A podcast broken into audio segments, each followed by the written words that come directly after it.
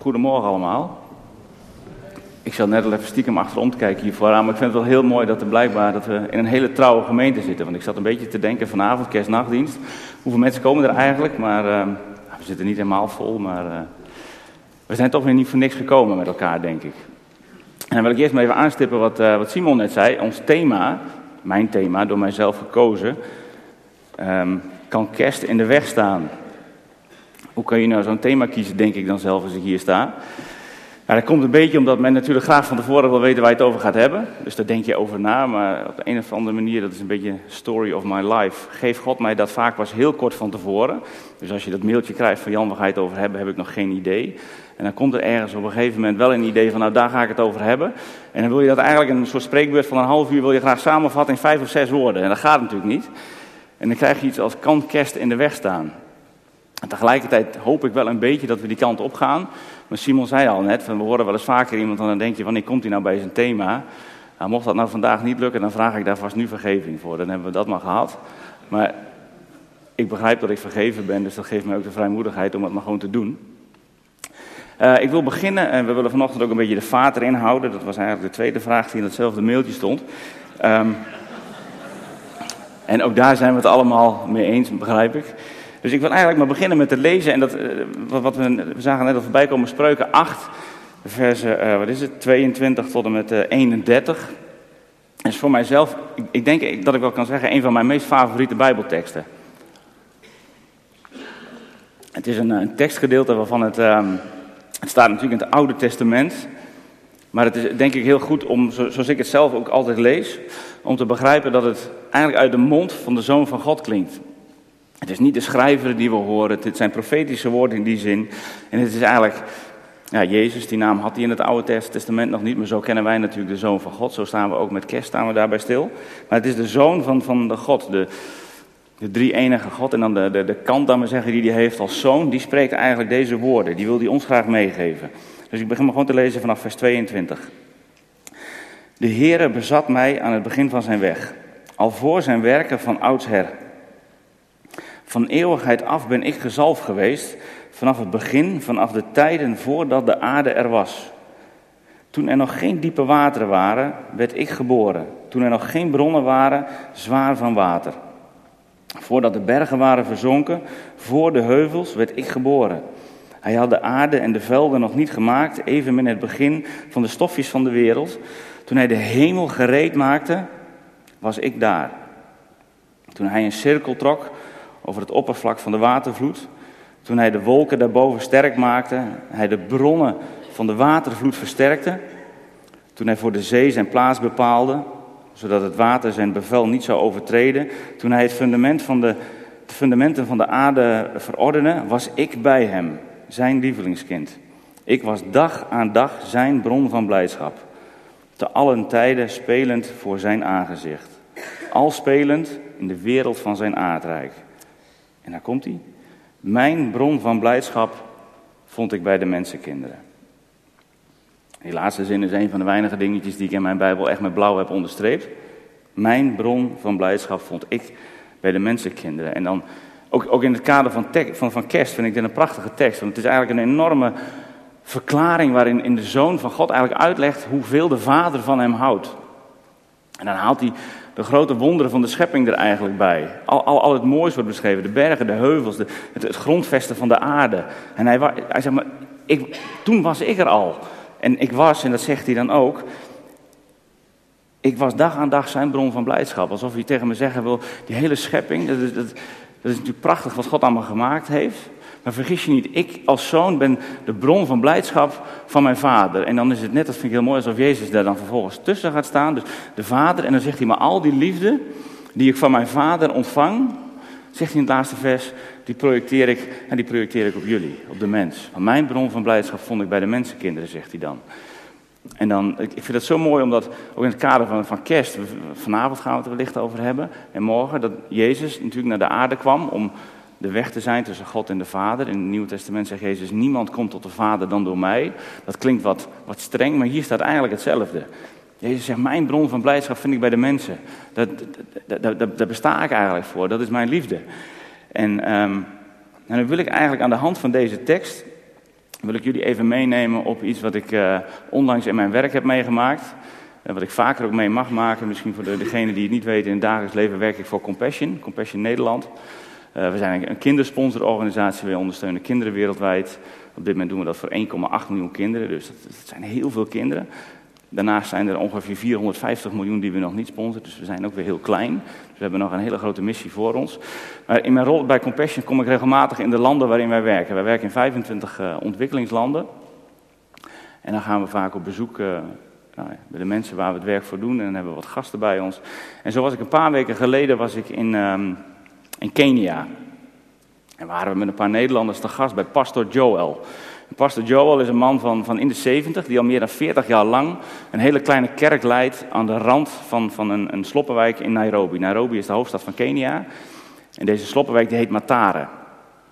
Matare is een van de grootste sloppenwijken ter wereld. Er wonen, naar schatting, we weten het niet, mensen zijn niet geregistreerd zoals wij. We hebben allemaal een burgerservice nummer en we zijn ingeschreven bij allerlei instanties. Daar niet. Mensen zijn, ja, officieel bestaan ze niet eens. En toch wonen er ongeveer 800.000 tot een miljoen mensen.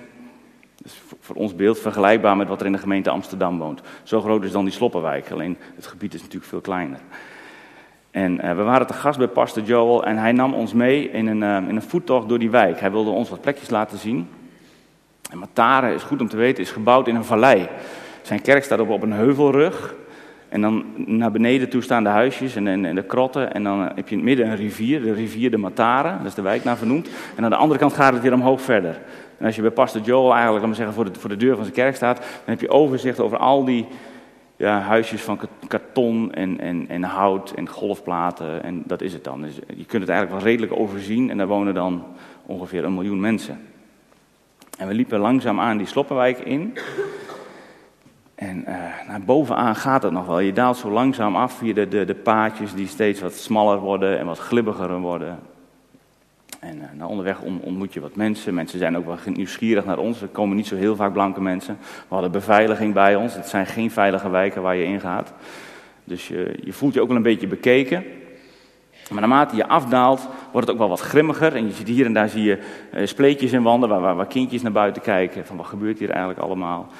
En het viel me op terwijl we daar zo liepen, dat ik, dat ik eigenlijk onderweg alleen maar jonge mensen zag. Hele jonge mensen. Dus ik zei, Joel, hoe zit dat? Waar, waar, zijn jullie ouderen? De, de mensen die, die, die, die, ik nu niet zie, zijn die, leven die ergens anders of blijven die binnen? En toen, keek hij me aan, dus die, Jan, we spraken in het Engels, hij zei, Jan, als je in Mataren leeft, dan, dan word je niet zo heel erg oud. En je moet je voorstellen dat de gemiddelde leeftijd waarop de mensen hier sterven, dus niet de gemiddelde leeftijd, maar de gemiddelde leeftijd waarop mensen hier sterven, ligt rond de 30. Vrouwen worden iets ouder, Vrouwen worden, als ze moeder worden, hun eerste kind baren als ze 12, 13 jaar oud zijn. En als het 30 is, dan is het voorbij, gemiddeld genomen. De meeste mensen overlijden rond die leeftijd. Dus daarom zie je eigenlijk alleen maar, dit is de bevolking wat je ziet, er zijn geen oudere mensen. En met, met dat in je hoofd loop je dan zo verder naar beneden en dan, dan, dan zie je kinderen, nou, waarvan je weet, nou, die zijn al tieners, die zijn op de helft. En dan kom je op een gegeven moment kom je, kom je bij de rivier, de Matare. En er is een, een, voetbrug overheen, daar kun je overheen lopen. En hij liet ons even stilstaan. Het was regenseizoen, dus er was heel veel water in die rivier. Het stroomde redelijk door. En dan sta je op die brugleuning, sta je over die rivier te kijken. En laat me even zeggen dat dit de rivier is. Dan sta ik in het praten ook jullie nog een beetje aan te kijken. Dan sta je over die rivier te kijken en dan zie je heel veel ratten. Dat, dat is één. Als er een miljoen mensen in Matara leven, dan leven er nog veel meer ratten daar.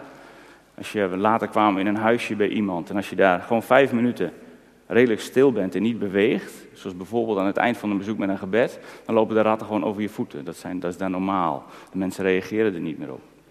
Maar als je over die rivier kijkt, je ziet heel veel rotzooi, heel veel plastic wat uit allerlei hoeken en gaten wegkomt. Maar je kunt zich ook voorstellen, die wijken die aan beide kanten liggen, die hebben open riolen. Mensen kunnen met hun, met hun afval, maar ook met, met, met, met, hun eigen ja, kunnen ze nergens heen, dat blijft daar liggen. En als het dan regenseizoen is, dan loopt dat regen vanuit de vallei, via de open riolen, loopt dat naar, naar, naar de rivier. Dus dat zie je ook. En je ziet uh, resten van dieren. Wat je echt niet kunt eten van een dier, dat drijft daar ook. Daar zijn de ratten ook mee bezig.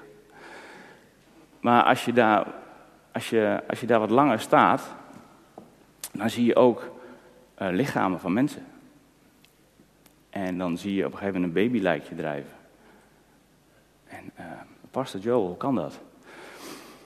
Hij zegt, als je s'nachts in Mataren bent, als het donker wordt, en het wordt hier heel vroeg donker s'avonds, dat heb je in Afrika. Hij zegt, en als je dan bij ons boven op de rand staat, en je luistert naar Mataren, je ziet het niet, want het is donker, er is geen elektriciteit. Maar als je luistert naar Mataren, dan hoor je gekerm en geschreeuw. In meer dan 50% van de huizen heb je s'nachts roof, overval, mishandeling, verkrachting. Hij zegt, dat zijn de geluiden van Mataren. En als het s'morgens licht wordt, dan likt de wijk als het ware zijn wonden. En alles wat, ja, wat, wat er gebeurt is die nacht, dat belandt dan in de rivier. Mensen hebben ook geen begraafplaatsen zoals wij, hebben daar ook de middelen niet voor. Hij zegt, dus eigenlijk de rivier, en terwijl je daar dan zo staat, dan denk ik, dit is, dit is echt het afvoerputje van de wereld. En dan sta je daar en dan heb je zo'n lievelingstekst die dan eindigt met: Mijn bron van blijdschap vond ik bij de mensenkinderen. En dan, dan word ik ook boos. En dan denk ik: Heer, dat kan toch niet? Ga me nou niet lopen vertellen dat de mensen. Kijk eens om me heen bent u hier dan niet? En dan kan ik daar moeilijk handen en voeten aangeven. En dan kijk ik naar pastor Joel en die werkt hier al meer dan 40 jaar. Is hier zelf opgegroeid als jochie in deze wijk. Heeft het overleefd en is, is de mensen gaan dienen met het evangelie. Dus er is een God in deze wijk, maar ik, ik, ik krijg dat niet met elkaar gerijmd. Mijn, mijn, bron van blijdschap, deze mensen hier, kijk eens in die rivier, bent, bent u daar? Je, twee van onze dochters zijn nu in Israël. We hebben net Simon horen zeggen, daar hebben ze nu een doopdienst. Dit is geen rivier waarin je gedoopt wordt. Dit is, deze, deze rivier is, ja wat is het? Het is, het is echt, het is drek, meer is het niet. En dat is, dat is eigenlijk de samenvatting van de levens van al die miljoenen mensen hier.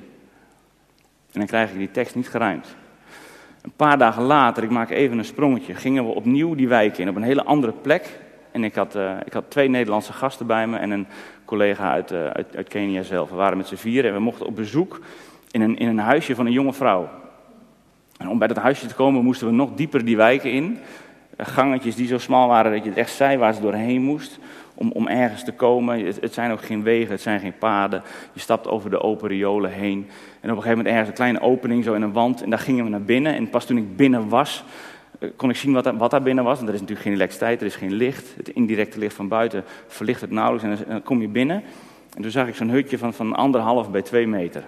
Aan de, aan de linkerkant voor mij lag, uh, lag, een matrasje op de grond met een kleedje. En rechts een houten plank met daarop wat emmers voor water en, en een paar plastic bekers. Dat was alles wat deze jonge vrouw, waar we op visite waren, had.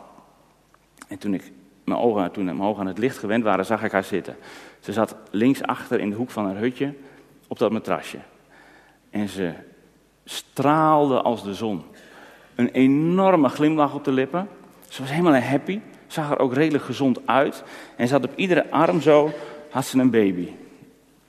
Twee hele kleine, in mijn ogen ongelooflijk gezonde kindjes. Twee van, die, van die flinke pakken suiker, zeg maar. Meer was het niet. Eh, bruine suiker in dit geval. Zo zat ze daar. En ik werd uitgenodigd om, om op een sherrycan te gaan zitten bij de deur. En ik, ik heb altijd een rugtasje bij me, die wilde ik neerzetten. Nou, doe dat maar niet, want we hebben vannacht regen gehad. Dus wat ik u net beschreef, alles wat er uit de open riolen naar beneden naar de rivier gaat. Dat komt aan de ene kant je hutje in. En als het regent pak je je spullen op. En als het morgens weer droog is, dan leg je het weer neer, maak je het schoon. Alles stroomt er dan aan de andere kant weer uit. Dus dat, dat had zijn sporen nagelaten. Dus kijk, ik hou mijn rugtasje op. Die Nederlandse dame, ik had een echtpaar bij me. Die Nederlandse dame die ik bij me had, die, eh, die is verloskundige. En die zat naast die moeder en die zat naast die, naar, naar die baby's te kijken. En die begon via onze, onze tolk met haar te praten van hoe is het toch mogelijk, zegt ze, dat je hier in deze wijk, in, in dit leven, twee van die gezonde kinderen tot, tot, nou, op de wereld weet te zetten. Hoe krijg je dat voor elkaar? En toen zei die vrouw, die begon te, te praten en te vertellen en ze zei, dat is eigenlijk heel simpel. Ze zegt, toen ik zwanger was, een paar maanden, overleed mijn man. We werkten allebei als dagloner. Dat betekent dat je, als je geluk hebt, word je aan het begin van de dag ergens vandaan gehaald op een marktplein om, om aan het werk gezet te worden. En ze zei, mijn man overleed. Maar ik had zelf nog wel werk. Ze werkte als iemand die bij de klasse die wat hoger leeft, om kleren te wassen, kleren schoon te maken. Dat ging allemaal nog prima, zei ze. Toen kon ik me nog goed redden. Maar toen ik zichtbaar zwanger werd, toen mijn buikje zichtbaar begon te worden, had ik geen werk meer. Want dan word je niet meer ingehuurd, dan ben je niet meer interessant. Dan blijf je hangen op het marktplein. Ze zeggen toen, nou, op een gegeven moment zat ik maar in mijn hutje. Ik had al dagen niet meer gegeten. Ik had eigenlijk geen uitzicht. Ik zat eigenlijk te wachten op het einde. Te wachten op de rivier, zou je kunnen zeggen. En zomaar, zegt ze, heel, zomaar uit het niets onaangekondigd komt er iemand. Eigenlijk zei ze het zo, kwam Jezus mijn hutje binnenlopen. Dat zei ze. En dat is voor ons Nederlanders heel raar om te horen als je daar zit. Komt Jezus mijn hutje binnenlopen? Vertel eens, hoe ging dat dan? Want ik dacht eerst van het is een warrig verhaal, ze heeft een visioen gehad. Maar dat was het niet. Er was uiteindelijk een, een, een dame, een vrouw binnengekomen van de, van de kerk van pastor Joel. En die had zich bekendgemaakt, ik kom in de naam van Jezus van Nazareth. En voor deze vrouw betekent dat, Jezus heeft mij gezien, hij is mij niet vergeten. Hij komt binnen. En die vrouw, zei ze, die vertelde me, ik neem je mee, we nemen je mee naar de kerk. Dan krijg je water om je te wassen. En dan krijg je schone kleren, dan krijg je een maaltijd. Daarna nemen we je mee naar het ziekenhuis. En dan gaan we kijken wat er, eh, wat er allemaal nodig is om jou gezond die zwangerschap door te laten komen. En om jouw kind, we dachten op dat moment dat het nog om één kind ging, om jouw kind gezond ter wereld te laten komen. En zo is het eigenlijk gebeurd, vertelde ze. Dat ik uh, uiteindelijk, met, de hulp van Compassion, want dat zit er natuurlijk achter, om uh, in het ziekenhuis te komen en, en bleken uiteindelijk twee kindjes te zijn. En ze vertelde hoe ze nu met haar kindjes in een compassion project zit. Dat ze dagelijks te eten krijgt. Dat ze een vak aangeleerd krijgt. Ze kan straks voor haarzelf gaan zorgen. Ze kan, ze kan misschien uiteindelijk die, die wijk wel ontsnappen. Misschien naar een huisje verhuizen wat wat hoger ligt. Maar ik vond het zo mooi dat ze zei, Jezus kwam mijn hutje binnen. En dat, dan moet ik even terug naar die rivier waar ik een paar dagen eerder stond. En hier bent u hier wel. Hij is hier wel. En ik zag het in het gezicht van die vrouw. En dat is voor mij een beetje, het, nou ja, als we dan terug moeten naar het thema van vandaag. Kan kerst in de weg staan? Ik vind het zo mooi als je in die wijken bent, hoe, hoe simpel Jezus in het leven van, van mensen kan zijn.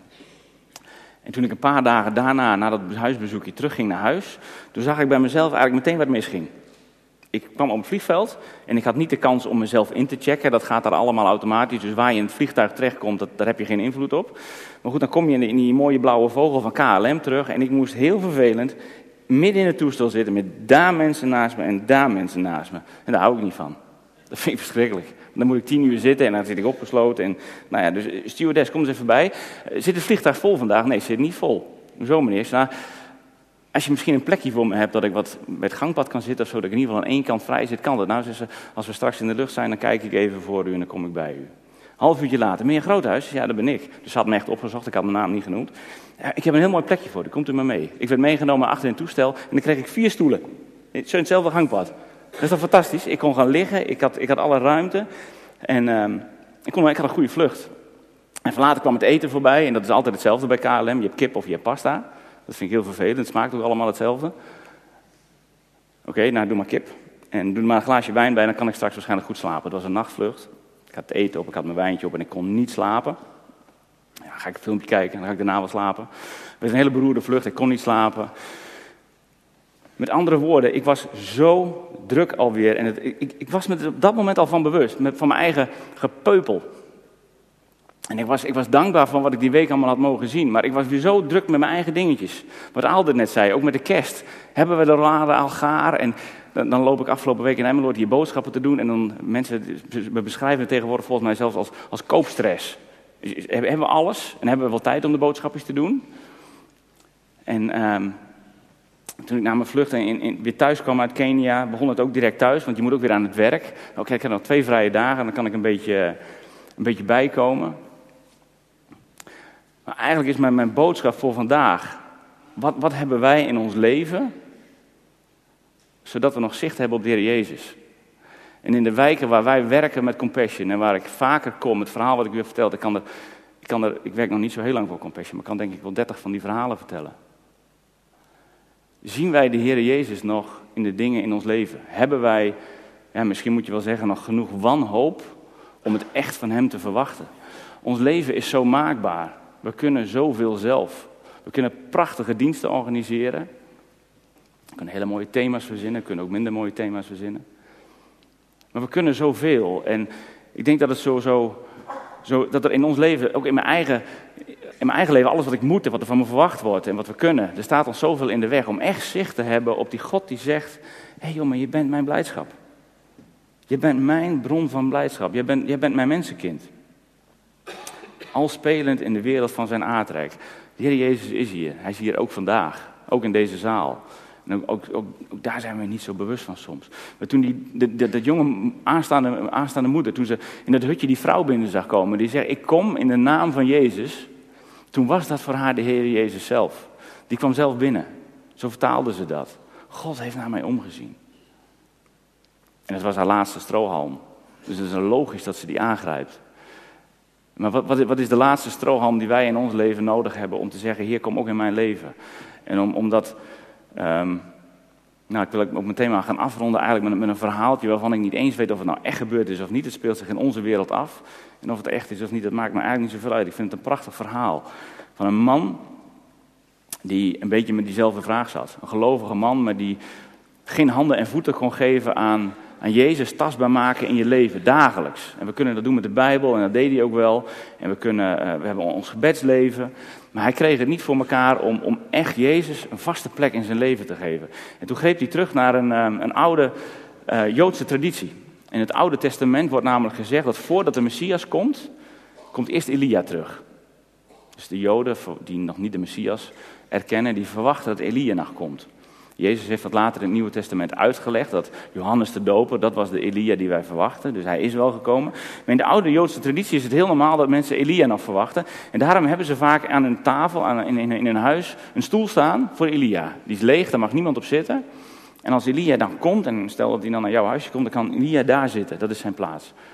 En deze man uit mijn verhaal, die had hetzelfde gedaan voor de Heer Jezus. Niet in de zin van, ik verwacht hem nog, maar ik weet dat hij in mijn leven is. Dus ik zit in mijn huis één stoel. En iedere keer als ik die stoel zie, dan weet ik, oh ja, hij is hier. Want dat is zijn stoel en dat is zijn plaats. Dat werd in zijn huis ook een beetje een bedevaartsplek. Hij, dat was de plek waar hij uiteindelijk zijn Bijbel las en waar hij, waar hij bad. Op die manier werd de Heer Jezus voor deze man heel tastbaar. Die stoel is er, dus hij is er. Iedere dag weer. Aan het eind van zijn leven raakte die man uh, in, in, in, gezondheidsproblemen. En hij, hij kwam in het ziekenhuis te liggen. En dan lag hij op zijn bedje en op een gegeven moment had hij wel het idee van, ik, ik kom niet meer thuis, ik, blijf, ik zal hier sterven. Dus toen riep hij een verpleegkundige. Hij zei, wilt u alstublieft hier naast mijn, mijn bed hier een stoel neerzetten? Nou, dat is prima, dat doe ik. Dus er werd een stoeltje neergezet. En dat werd voor die man die nieuwe stoel, waar de Heer Jezus de hele dag was. Iedere keer als de man wakker werd en zijn ogen opende, zag hij de stoel.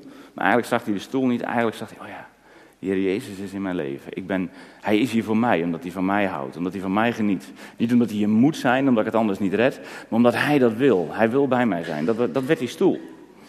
En deze man had een dochter. En die, in, in, in de laatste dagen van zijn leven uh, zat deze dochter eigenlijk constant bij hem aan het bed te waken. Ze hield zicht op, op, op hem en ze, ze was bij hem. Ze wilde hem niet alleen laten. Alleen als ze af en toe even een hapje wilde eten of ging slapen, dan ging ze even naar huis. Maar daarna hup, meteen weer naar haar vader. En zo gebeurde het op een gegeven moment dat ze haar vader even achterliet. Hij lag rustig te slapen. Ze ging een hapje eten buiten het ziekenhuis. En ze komt terug en toen werd ze op de gang werd ze tegengehouden door een verpleegkundige. Mevrouw, ik moet u even wat vertellen. Uh, in uw afwezigheid is uw vader overleden. Ach, zei de dochter, dan doe ik zo mijn best. En dan overlijdt hij alleen. Dan moet hij dat alleen doen. Ja, zei de verpleegkundige, maar we hebben wel het idee dat uw vader vredig is heen geslapen. Hij was oud, hij verwachtte het. En toen we hem vonden, lag hij met een glimlach op zijn lippen. Nou, dat is, dat is dan heel bijzonder, dat is mooi om te horen. Oh ja, zei de verpleegkundige, er is nog iets. Wat wel eigenlijk heel merkwaardig is, wat we niet kunnen verklaren. Uw vader heeft al dagen eigenlijk niet bewogen, maar toen we hem net vonden, toen lag hij met zijn hoofd niet op zijn kussen, maar hij lag op de stoel naast zijn bed.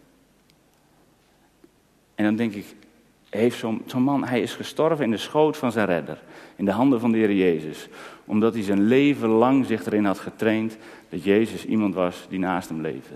Dat Jezus iemand was die niet alleen in Mataren is, maar die ook in Emmeloord is. Dat de Heer Jezus iemand is die niets anders wil dan omgang hebben met, met, met, met mensen zoals jij en ik. Daarom kwam hij naar de aarde en daarom hebben we kerst. En daarom vind ik het zo jammer dat we ook in ons leven, als we kijken naar onze agenda, is ik niet anders. Maar dat het zo vaak vol staat met allerlei gehannes en gedoe. En dat we overorganiseren en dat we.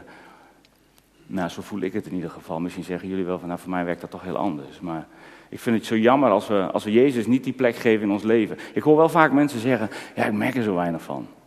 Nou, misschien hierom. Misschien omdat we het zelf willen organiseren waarop we hem voelen. Dat is ook een van de redenen waarom ik wel eens een beetje moeite heb voor mezelf, ook met kerst. Ik voel met kerst de aanwezigheid van God of van zijn zoon niet meer dan daarbuiten. Terwijl ik dat eigenlijk wel graag zou willen. En dat kun je dan in een goede dienst of met goede liederen, kun je dat misschien voelen. Maar dat voel ik door de rest van het jaar ook. En dat voel ik ook en daarom hoop ik binnenkort weer op reis te gaan als ik bij zo'n dame in zo'n huisje zit. Waar je eigenlijk alleen maar wil huilen en waar je eigenlijk alleen maar wil bidden vanuit wanhoop. Maar dat je daar, daar ziet, wat is dit huis vol van Gods geest? En wat zal die vrouw, als ze later bij hem komt, een dankbare en grote vrouw zijn? En haar kinderen, die twee, die twee jochies, het waren twee jongetjes, die, waarvan we hopen dat ze de dertig voorbij zullen groeien. Wat dat later mensen worden die zeggen, wij leven omdat mijn moeder op een goede dag de Heer Jezus op visite kreeg. Ik hoop dat we ook ergens dat in ons leven kunnen gaan zeggen.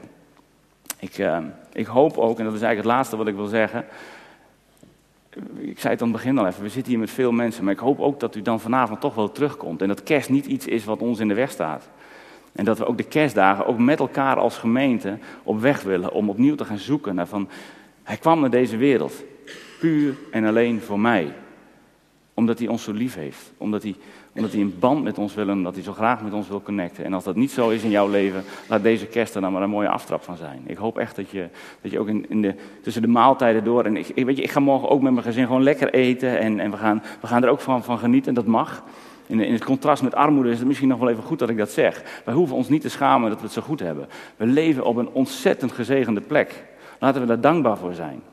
Maar laat het ons alsjeblieft niet afleiden van degene die het ons allemaal gunt en geeft. Misschien dat het goed is dat we daar nu voor bidden. En vader, dank u wel dat we, dat op een plek leven waar we in vrijheid zo over u mogen praten en over u mogen nadenken. Heer, dank u wel dat we, dat we op een plek leven waar we, waar we kunnen kiezen uit eh, waar we onze tijd mee vullen. En dat we kunnen kiezen uit waar we onze hoofden en onze gedachten mee vullen. Maar vader, wilt u ook ons alstublieft helpen om met met de dingen die u in ons woord aanreikt, de dingen die u ons in liederen aanreikt, de dingen die, die we van elkaar kunnen leren, Heer. Dat u ons daarin duidelijk maakt van, hé, hey, maar ik heb je geschapen om omgang te hebben met mij. Ik heb je geschapen om, een, om de bruid te zijn van mijn zoon. Vader, help ons daarbij. Ook in de tijden zoals nu met kerst, waarin we wellicht allemaal wat vrije tijd hebben, waarin we even stilgezet kunnen worden. En dat de komst van uw zoon naar deze wereld, als een baby, als een kind, als een als een afspiegeling van het meest kwetsbare wat er is, maar wat zo krachtig tegelijkertijd ook is, Heer, dat we daar oog voor hebben. En dat u daarmee de brug over de rivier sloeg, zodat we er niet doorheen hoeven, Heer, maar dat we, we veilig mogen komen bij u. Heer, ik wil u ook bidden voor de mensen die leven in omstandigheden als in Mataren. Dat ook daar iets van, van, van kerst, van, van de geboorte van uw zoon voelbaar mag zijn, Heer. Heer, wilt u, uh, wilt u die mensen overspoelen met, met vrede in hun hart en, en met... Uh, met mensen om zich heen die, die zich over hen ontfermen. Ja, misschien wordt uw liefde daar wel het meest zichtbaar. Daar waar we, waar, we, waar we elkaar lief hebben, waar we ons ontfermen over elkaar. En waar we een beetje omzien naar elkaar. Heer, ik wil u vragen om, uh, om ons een goede tijd te geven de komende dagen. Ik wil ook vragen, om te zijn met, met een deel van onze jeugd die op dit moment in Israël is. Waarvan we hopen dat ze nu een hele bijzondere dag beleven. Met, met getuigenis en doopdiensten. Jongeren, die hun leven aan u geven. Jij maakt dat ze een goede tijd hebben en dat ze in een land waar het niet helemaal rustig is, dat ze daar veilig van terug mogen komen. Ik vraag en ik dank u dit alles in, uh, in de machtige naam van uw Zoon Jezus. Amen.